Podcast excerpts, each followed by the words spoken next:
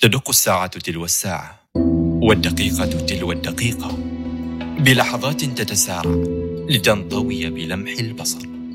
معلنة أننا في طور سير مستمر دون توقف لالتقاط أنفاسنا.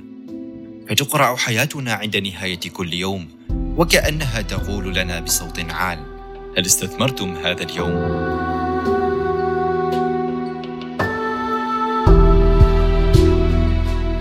نحن هنا في بودكاست ملخصات خطابية. سنقدم لكم ملخصات لكتب تم اختيارها بعناية. لتلامس ما تنتظره أذهانكم من فوائد سنستثمرها معا. لنقضي أوقاتنا بالشكل الصحيح. هنا من منصة خطاب حيث نخاطب ذواتنا ونلهمها روح الوعي والفكر.